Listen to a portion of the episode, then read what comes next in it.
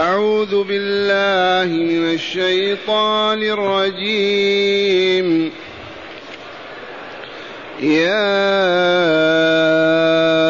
أيها الذين آمنوا أطيعوا الله ورسوله أطيعوا الله ورسوله ولا تولوا عنه وأنتم تسمعون. ولا تكونوا كالذين قالوا سمعنا وهم لا يسمعون. إن شر الدواب عند الله الصم البكم الذين لا يعقلون. ولو علم الله فيهم خيرا لأسمعهم ولو أسمعهم لتولوا وهم معرضون. معاشر المستمعين والمستمعات من المؤمنين والمؤمنات قول ربنا جل ذكره يا أيها الذين آمنوا أليس هذا نداء من نداءات الرحمن عز وجل نادانا بعنوان الإيمان لأننا مؤمنون. وقد علمتم أن المؤمن حي يسمع النداء ويجيب. وأما الكافر فهو ميت لا يسمع ولا يجيب. وهذه فضيلة من أعظم الفضائل وكرامه من أجل الكرامات أن الله عز وجل ينادينا. من نحن وما نحن حتى ينادينا رب السماوات والأرض وما بينهما. العزيز الجبار الذي يقول للشيء كن فيكون. الذي خلق السماوات السبع والأراضين السبع وما فيهما وما بينهما. ولكنها منة الله فهيا نحمد الله. الحمد لله الحمد لله الحمد لله. أن جعلنا من المؤمنين. ونادانا في كتابه العزيز يا أيها الذين آمنوا لبيك اللهم لبيك. نادانا ليأمرنا بما فيه سعادتنا وكمالنا وبما هو منجاة لنا من خزي الدنيا وعذاب الآخرة. فقال أطيعوا الله ورسوله. من رسوله يرحمكم الله؟ إنه محمد صلى الله عليه وسلم. رسوله لأنه هو الذي أرسله إلى الناس كافة. إذا هو رسول من؟ رسول الله. أمرنا أن نطيعه تعالى فيما يأمر به وفيما ينهى عنه وأن نطيع رسوله صلى الله عليه وسلم فيما يأمر به وينهى عنه. إذ الطاعة ليست إلا هذا الذي سمعته. أن تذعن وتطيع ربك فيما يأمرك بقوله أو فعله أو اعتقاده. وفيما ينهاك عنه من اعتقاد باطل قول سيء عمل فاسد. ورسول الله صلى الله عليه وسلم يأمر بما يأمر الله به وينهى بما ينهى الله عنه. فيطاع الرسول صلى الله عليه وسلم كما يطاع الله ومن يطع الرسول فقد أطاع الله. ما سر طاعة الله ورسوله؟ بين لنا يا هذا إنها والله لسعادة الدارين والكمال فيهما معا والعكس معصية الله ومعصية رسوله يقودان العبد إلى الخسران الدائم والهلاك الأبدي. إذ الله ليس في حاجة إلى صلاتنا ولا صيامنا. ولا رباطنا ولا جهادنا ولا صدقاتنا ولا ولا في غنى مطلق. وإنما هذه الطاعة من شأنها أن تزكي أنفسنا وتطهر أرواحنا فنصبح بذلك أهلا لأن يرضى عنا وينزلنا بجواره في الملكوت الأعلى. وقوله تعالى ولا تولوا عنه وأنتم تسمعون. أي إذا سمعت أمر الله أو أمر رسوله أو نهي الله أو نهي رسوله لا تتولى عنه وأنت معرض. لا تتولى عنه وأنت تسمع. لو ما بلغك معذور. ما سمعت تعذر. أما وقد سمعت أمر الله أو أمر رسوله أو نهي الله أو نهي رسوله صلى الله عليه وسلم بعد سماعك تعرض لا تفعل الواجب ولا تترك المحرم. زلة عظيمة هذه. لا يرضى بها ذو عقل بحال من الأحوال. وهذا النداء يؤدب المؤمنين ويربيهم على النحو الذي يكملون عليه ويسعدون. يا أيها الذين آمنوا يا من آمنتم بالله ربا وبالإسلام دينا وبمحمد نبيا ورسولا. أيها المؤمنون الأحياء أطيعوا الله ورسوله. في ماذا؟ في الأمر والنهي.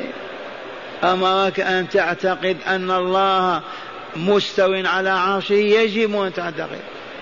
أمرك الله أن تؤمن أن محمدا أرسله آمن برسالته. أمرك أن لا تقول سوءا ولا تنطق بباطل لا تفعل. وتلك هي العبادة. طاعة الله وطاعة رسوله فيما يأمران به وفيما ينهيان عنه. واحذروا أن تتولوا عنه وأنتم تسمعون. تسمع قال الله كذا فتعرض. تسمع أمر رسول الله بكذا فتعرض وتتولى. لأن هذه الانتحار الذي يسمع أمر الله ولا يبالي به يسمع نهي الله ولا يبالي به هالك ولا تولوا عنهم وأنتم تسمعون. ثانيا ولا تكونوا كالذين قالوا سمعنا وهم لا يسمعون. المراد من هؤلاء المنافقون. يقولوا سمعنا ولا يفعلون. اليهود بالمدينة هذا شأنهم. المشركون سمعنا ولا إجابة ولا استجابة ولا فعل ولا ترك. احذروا أن تكون مثل هؤلاء. موجودون بالفعل يسمعون. قالوا سمعنا أمرك أو نهيك. ولكن لا يسمعون أي لا يعملون. العبرة بالفعل أو بالسماع فقط. أمرك أن تتقي الله. سمعت إذا لم تتقي ما الفائدة من السماع؟ ثمرات السماع الفعل. النجاة طلب السعادة.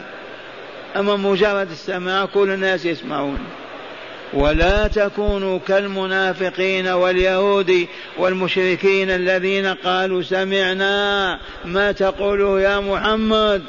وفي نفس الوقت لا يسمعون أي لا يستجيبون لا يعتقدون ما أمرهم باعتقاده ولا يسكتون عما نهاهم عن التكلم به ولا يتركون الشرك وعبادة غير الله. هذا النداء الأول كما سمعتم. يا أيها الذين آمنوا أطيعوا الله ورسوله ولا تكونوا كالذين قالوا سمعنا وهم لا يسمعون. ثم قال تعالى إن شر الدواب عند الله الصم البكم الذين لا يعقل الدواب جمع دابة. كل ما دب على الأرض على رجليه أو يديه أو على بطنه يسحب كالحية والعنش. كل من دب على الأرض هو دابة إذا شر الدواب صحيح ممكن نعرف شر الدواب منهم. الحيات الثعابين لا لا.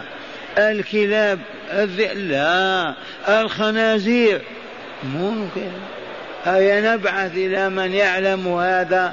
ونقول بين لنا شر الدواب حتى نعرف هؤلاء الدواب ولا نقربهم ولا نمشي وراهم ولا ولا. فبين تعالى بقوله الصم البكم الصم الذين لا يسمعون نداء الله ولا رسوله ولا أمر الله ولا أمر رسوله ولا نهي الله ولا رسوله. البكم الذين لا ينطقون بكلمة الحق لا يقولون لا إله إلا الله محمد رسول الله. لا يأمرون بمعروف ولا يقدرون على القول به ولا ينهون عن منكر ولا يجتنبونه. هؤلاء شر الدواب. وقد بينهم تعالى في سورة من سور كتابه وهي سورة البينة بين الزلزلة والقدر. إذ قال تعالى إن الذين كفروا من أهل الكتاب والمشركين في نار جهنم خالدين فيها أولئك هم شر البريئة. من شر البرية الذين كفروا من أهل الكتاب والمشركين. هم شر البرية أي الخليقة. إذا إن شر الدواب عند الله الصم البكم فلان أصم ما يتكلم بالحق أبدا ولا يعرفه. أبكم ما ينطق أصم ما يسمع. نعوذ بالله من هاتين الصفتين البكم والصمم. الأصم الذي لا يسمع الأبكم الذي لا ينطق. وكل من لا ينطق بالمعروف فهو أصم فهو أبكم. وكل من لا ينهى عن المنكر فهو ثم قال تعالى ولو علم الله فيهم خيرا لأسمعهم. يخبر تعالى عن نفسه. يقول لو علمت في هؤلاء الصم البكم شر الدواب. لو علمت فيهم خيرا لأسمعتهم أي لجعلتهم يسمعون. ولكن علم أنهم لو سمعوا ما استجابوا ولو علم الله فيهم خيرا لهم ولغيرهم بأن يعبدوا الله وحده ولا يشركوا به غيره ولا يخرجوا عن طاعة وطاعة رسوله لأسمعهم أي لجعلهم يسمعون كالمؤمنين. ولكن يقول تعالى ولو أسمعهم لتولوا عنهم وهم لتولوا وهم معرضون. لو فرضا جعلهم يسمعون وسمعوا ما يستطيعون أن يستجيبوا بل والله لو لا يعرضون. ما سر إعراضهم؟ لأنهم توغلوا في الشر والخبث والشرك والفساد. ومشوا فيه السنين الطويلة ففسدت قلوبهم وتغيرت طباعهم وهبطوا وأصبحوا شر البرية. فمن هنا فهم لا يستجيبون. وهذا الذي نقرره يا عباد الله من زلت قدمه وسقط فقال كلمة سوء أو نظر نظرة سوء أو تناول درهم محرما أو مشى خطوة باطلة يجب عليه أن يبادر بالتوبة. لا يتمهل أو يمهل أو ينتظر بمجرد ما تعلم أنك عصيت الله أو رسوله. على الفور أستغفر الله أستغفر الله وأتوب إليه. وكلك عزم على ألا تعود لهذه النظرة أو هذه الكلمة الباطلة أو هذه الحركة المحرمة. وإلا يخشى عليك أن تتمادى حتى يأتي الختم والطبع وعند عندئذ ولو أسمعهم لتولوا وهم معرضون. ونذكر قول الرسول صلى الله عليه وسلم إذا أذنب العبد ذنبا. ذنبا صغيرا أو كبيرا. ما الذنب يا شيخ؟ ما يواخذ به ويؤخذ به كما يؤخذ الحيوان من ذنبه. إذا أذنب ذنبا صغيرا أو كبيرا. وقع نكتة سوداء على قلبه. نقطة سوداء. فإن هو تاب واستغفر وتراجع صقل ذلك المكان الأسود وزيل منه الأثر الأسود وبقي ناصعا أبيض مشرقا. فإن هو ما تاب وأذنب ذنبا آخر وقع إلى جنب تلك النكتة نكتة أخرى وثانية وثالثة ورابعة وبعد ذلك لا يقبل التوبة ولا يتوب. وتلا رسول الله صلى الله عليه وسلم كلا بل ران على قلوبهم ما كانوا يكسبون. ران عليه وغطاه وغشاه أي ذنبهم الذي كانوا يكسبونه. فلهذا تناديهم ما يسمع تخوفه ما يخاف تعظه ما يتعظ. ميت. فلهذا واذكروا قوله تعالى ولو علم الله فيهم خيرا لأسمعهم لكن علم أن لا خير فيهم لأنهم توغلوا في الشر والفساد والظلم والخبث ما أصبحوا أهلا أبدا لأن يعبدوا الله ويصبحوا من أوليائه. ولو فرضنا أسمعهم وجعلهم يسمعون. لتولوا وهم معرضون. راجعوا عن دعوة الحق ولم يقبلوها وأعرضوا عنها.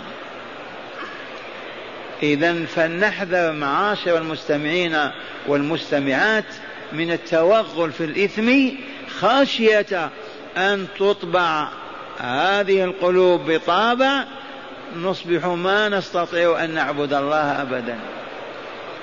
تعرض عليه أن يصلي ما يقوى. تعرض عليه أن يغض بصره ما يستطيع. تعرض عليه أن يغض أن يمسك سمعه وما يسمع الباطل ما يتلذذ إلا به. حتى إن أحدهم فيما روي مات وهو يغني. بدل ما يقول لا إله إلا الله مات يا ليلى وسلمى. لماذا؟ لاستماره طبع على قلبه. والعياذ بالله. نسمعكم شرح الآيات من الكتاب. قال معنى الآيات ينادي الله تعالى عباده المؤمنين الذين آمنوا به وبرسوله وصدقوا وصدقوا بوعده ووعيده يوم لقائه. هل هناك وعد وهناك وعيد؟ ما الفرق بين الوعد والوعيد؟ يا أهل العلم الوعد بالخير والوعيد بالشر. هذا الفرق. الوعد يكون بما بما هو خير والوعيد بما هو شر. وصدقوا بوعده ووعيده يوم لقائه. فيه يوم لقاء الله. ما هذا اليوم؟ يوم القيامة. لما نبعث من قبورنا نلقى الله عز وجل. فيأمرهم بطاعة وطاعة رسوله وينهاهم عن الإعراض عنه وهم يسمعون الآيات تتلى والعظات تتوالى في كتاب الله وعلى لسان رسول الله صلى الله عليه وسلم. قال لهم لأن نصركم وتأييدكم كان ثمرة إيمانكم وطاعتكم. فإن أنتم أعرضتم وعصيتم فتركتم كل ولاية الله كل ولاية الله تعالى لكم أصبحتم كغيركم من أهل الكفر والعصيان. هذا يتناولنا واحد واحد ولا لا؟ هذا واقعنا نحن. هذا معنى قوله تعالى يا أيها الذين آمنوا أطيعوا الله ورسوله ولا تولى عنه وأنتم تسمعون. وقوله ولا تكونوا كالذين قالوا سمعنا وهم لا يسمعون. ينهاهم لأنه ولا تكونوا نهي هذا. ولا تكونوا ينهاهم عن عن ينهاهم عز وجل أن يسلكوا مسلك الكافرين المشركين في اتصال في في التصامم عن سماع الآيات الحاملة للحق والداعي إليه. هذا التصامم والتعامي عن رؤية آيات الله الدالة على توحيده الذين قالوا إنا عما يقول محمد في صمم وفيما يذكر ويشير إليه في عمى. قالوا بالفعل هذا. أعيد كلمتهم. قالوا إنا عما يقوله محمد في صمم ما نسمع وفيما يذكر ويشير إليه في عمى ما نبصر فهم يقولون سمعنا بآذاننا وهم لا يسمعون بقلوبهم لأنهم لا يتدبرون ولا يفكرون فلذا هم في سماعهم كمن لم يسمع إذ الصمم إذ العبرة بالسماع الانتفاع به لا مجرد سماع صوت. وقوله تعالى إن شر الدواب عند الله الصم البكم الذين لا يعقلون يعني بهم المشركين. وكانوا شر الدواب لأنهم كفروا بربهم وأشركوا به فعبدوا غيره. وضلوا عن سبيله ففسقوا وظلموا وأجرموا. الأمر الذي جعلهم حقا شر الدواب في الأرض. فهذا تنديد بالمشركين. وفي نفس الوقت هو تحذير للمؤمنين من أن من معصية الله ورسوله والإعراض عن كتابه وهدي نبيه صلى الله عليه وسلم. وقوله تعالى ولو علم الله فيهم خيرا لأسمعهم أي لجعلهم يسمعون آيات الله وما تحملهم بشارة ونذارا وهذا من باب الفرض لقوله تعالى ولو سمعوا لت ولو أسمعهم لتولوا وهم معرضون. هؤلاء طائفة من المشركين. طائفة جماعة. من المشركين توغلوا في الشر والفساد والظلم والكبر والعناد فحرموا لذلك هداية الله تعالى. فقد هلك بعضهم في بدر وبعضهم في أحد ولم يؤمنوا لعلم الله تعالى أنه لا خير فيهم. وكيف لا؟ وهو خالقهم وخالق طباعهم. ألا يعلم من خلق؟ وهو اللطيف الخبير. بلى. هيا إلى هداية الآيات. قال من هداية الآيات أولا اسمع اسمعي. وجوب طاعة الله ورسوله في ماذا؟ في أمرهما ونهيهما وحرمة معصيتهما. منين أخذنا هذا؟ أطيعوا الله ولا تعرضون الآية. ثانيا حرمة التشبه بالمشركين والكافرين وسائر أهل الضلال وفي كل شيء من سلوكهم. حرمة ماذا؟ التش... ولا تكونوا كالذين وإلا لا.